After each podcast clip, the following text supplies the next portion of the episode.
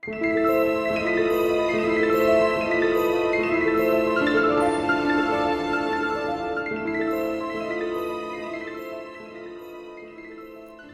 til Forlæst, podcasten, hvor vi lytter os tilbage i tiden på jagt efter de fortællinger, som stadig kan vækkes til live. Mit navn er Bjarke Sølverbæk, og jeg er din rejsefører gennem den dansksprogede litteraturhistorie. I dette afsnit fortsætter vi vores rejse gennem forlæggene til Disneys tegnefilmsklassikere, og i dag er det fortællingerne bag to forskellige Disney-film, vi skal læse. Lille Kylling fra 2005 og To på flugt, et hårrejsende eventyr fra 2010. De er begge repræsentanter for Disney-studiernes nyere eventyradaptationer, som tager sig langt større friheder end dem vi hidtil har stiftet bekendtskab med. De tidlige eventyradaptationer fjernede og tilføjede elementer for at nærme sig genrekravene til en amerikansk spillefilm og en klassisk musical. For eksempel ved at fjerne de blodige fødder fra Askepot og ved at tilføje kampen mod dragen i Tornerose. Men samtidig fulgte de forelæggende struktur ret tæt, så begyndelsen, midten og slutningen svarede ganske godt overens. I disse nyere adaptationer blev forelæggende reduceret til inspirationskilder, hvor man kun medtager de mest ikoniske elementer og digter en helt ny historie omkring dem. Hvad Lille Kylling angår, er det nødvendigt at digte meget på, for der er ikke ligefrem nok materiale til en spillefilm. Fablen har en mundtlig historik, der strækker sig over to et halvt årtusinde, men det var først, da interessen for folkeeventyr begyndte at vokse i starten af 1800-tallet, at man begyndte at trykke udgaver af fablen. Denne tidlige udgave er dansk og blev nedskrevet af folkemindesamleren Just Mathias Thiele, og det er den, vi skal læse i dag.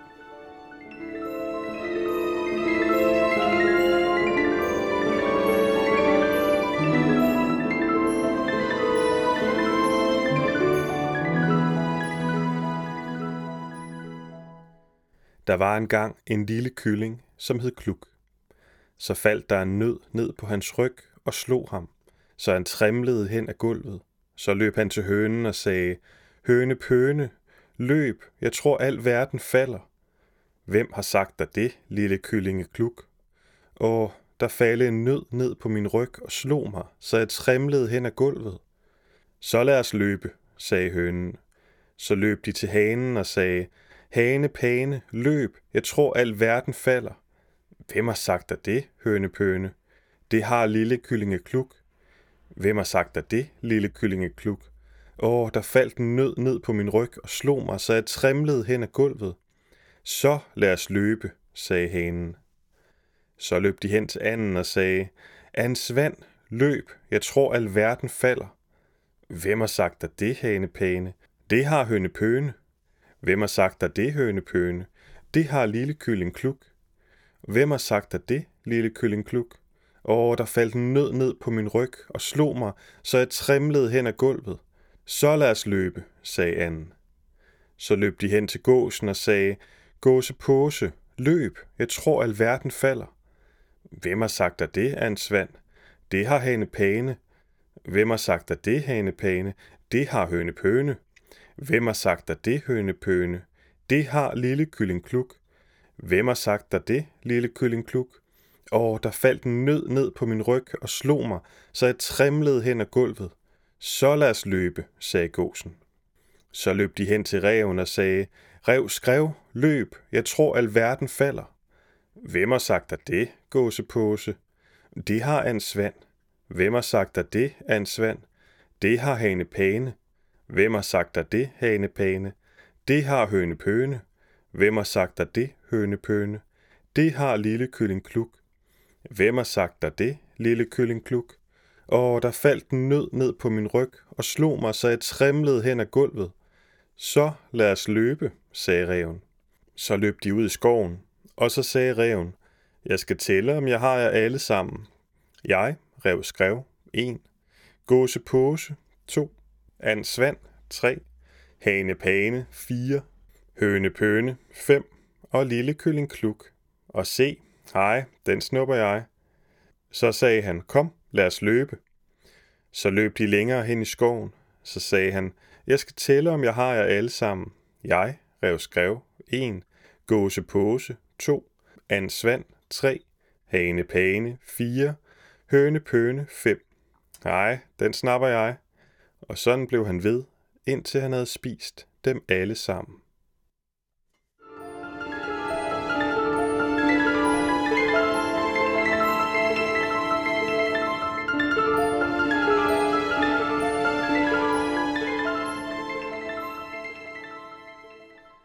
Dagens anden fortælling er brødrene Grims Rapunzel. For mange år siden levede der en mand og en kone, som så længe havde ønsket sig et lille barn, men intet fået. Endelig lød det til, at den gode Gud ville opfylde deres ønske.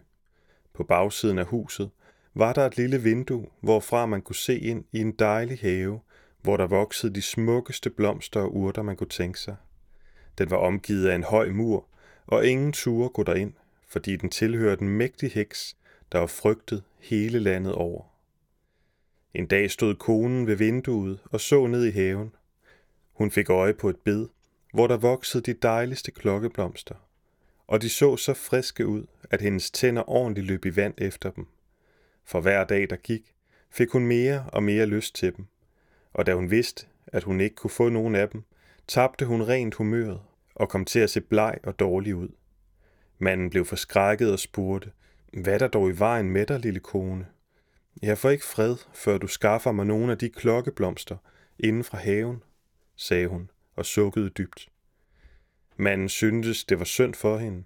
Om aftenen kravlede han over muren og ind i heksens have. Plukkede i en fart en håndfuld klokkeblomster og slap lykkelig og vel ind til sin kone igen.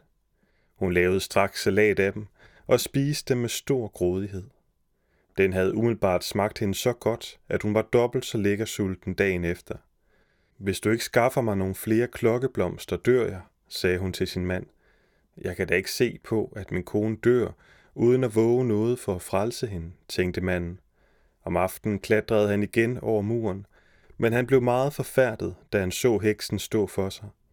Hvor tør du læste dig ind i min have som en tyv og stjæle mine klokkeblomster, sagde hun rasende. Det skal komme dig dyrt til at stå. Hav barmhjertighed med mig, sagde manden ydmyg. Det er kun den yderste nød, der har drevet mig hertil. Min kone har fået så stor lyst til klokkeblomsterne, at hun dør, hvis hun ikke får nogen af dem. Heksen blev formildet og sagde til ham, Når det hænger sådan sammen, vil jeg give dig lov til at plukke så mange klokkeblomster du vil. Jeg stiller kun én betingelse, og det er den, at du giver mig det barn, din kone føder. Jeg skal være en moder for det, og det skal få det rigtig godt. Den stakkels mand var så bange, at han sagde ja til alting, og så snart barnet var født, kom heksen, kaldte det Rapunzel og tog det med sig. Rapunzel var det dejligste barn under solen. Da hun var 12 år gammel, lukkede heksen hende inde i et tårn, der lå ude i skoven og hverken havde dør eller trappe, men kun et lille vindue helt oppe. Rapunzel havde dejligt langt hår, der var så fint som spundet guld. Når heksen ville ind, stillede hun sig neden for tårnet og råbte, Rapunzel, Rapunzel, lad dit hår falde ned. Pigen viklede da en af sine flætninger fast om vindueskrogen og hejsede den ud af vinduet. Den nåede 20 alen ned, og heksen klatrede så op i den. Et par år efter red kongens søn en dag gennem skoven og kom forbi tårnet. Han hørte nogen synge så dejligt, at han holdt stille og lyttede. Det var Rapunzel, der i sin ensomhed forsøgte at fordrive tiden med at synge. Kongesønnen ville gå op til hende og søgte efter en indgang til tårnet, men kunne ingen finde. Han red så hjem igen, men sangen havde gjort så dybt indtryk på ham, at han hver dag red ud i skoven og lyttede til den. En gang, da han var derude, så han heksen komme hen til tårnet og hørte hende sige, Rapunzel, Rapunzel, lad dit hår falde ned. Rapunzel lod flætningerne hænge ned, og heksen klatrede op til hende. Jeg vil også engang forsøge min lykke på den slige, tænkte kongesønnen, og den næste aften gik han ud til tårnet og råbte, Rapunzel, Rapunzel, lad dit hår falde ned. Flætningen kom straks ud af vinduet, og kongesønnen klatrede op. Rapunzel blev først meget forskrækket, da hun så en vild fremmed mand, men kongesønnen talte venligt til hende og fortalte, at hendes sang havde gjort en sådan indtryk på ham, at han ikke havde kunne få ro, før han havde set hende. Hun blev hurtigt beroliget, og da han spurgte, om hun ville gifte sig med ham, og hun så, hvor smuk han var, tænkte hun, jeg vil sikkert få det bedre hos ham end hos den gamle heks, og sagde ja og rakte ham sin hånd. Jeg vil gerne følge med dig, sagde hun, og hør nu, hvordan jeg skal komme ud. Hver gang du kommer, skal du tage en silkesnor med, så fletter jeg en stige, og når den er færdig, klatrer jeg ned, og du sætter mig op på din hest. De aftalte da, at han skulle komme hver aften, for den gamle kom kun om dagen. Heksen mærkede heller ikke noget, før Rapunzel en dag i tanker sagde til hende, Hør, hvor kan det egentlig være, at du er meget tungere at trække op end den unge kongesøn? Han er heroppe på et øjeblik. Du slemme pige, råbte heksen. Hvad er det dog, du er for? Jeg troede, jeg havde stænget dig ude fra alle mennesker, og så har du dog naret mig. I sit raseri greb hun fat i Rapunzels dejlige hår, snodede det et par gange om hånden, tog en saks og rich, ratch, lå de lange flætninger på jorden.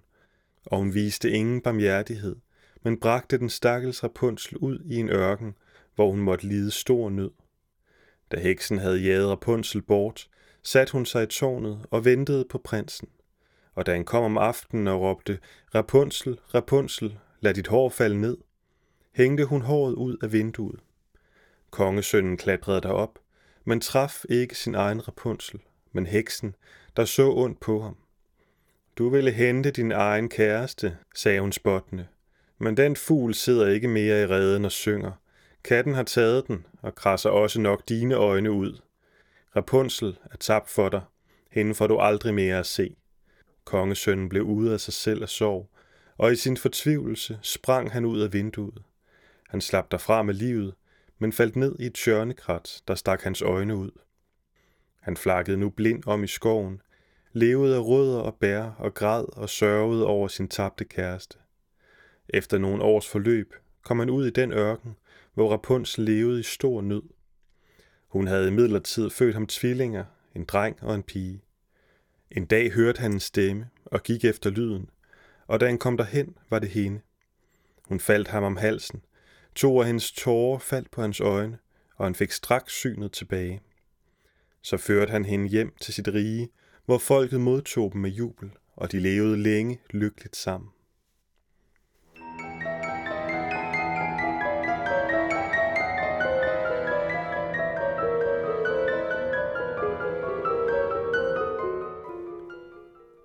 Tak fordi du lyttede til dette afsnit af Forlæst. Hvis du vil vide mere om Lille Kylling eller Rapunzel, eller deres respektive folkemindesamlere, kan du læse mere på forlæst.dk. Her kan du også skrive til mig, hvis du har kommentar til afsnittet, eller har forslag til, at vi skal læse i fremtiden. Næste gang læser vi Den Lille Havfrue af Hos Andersen.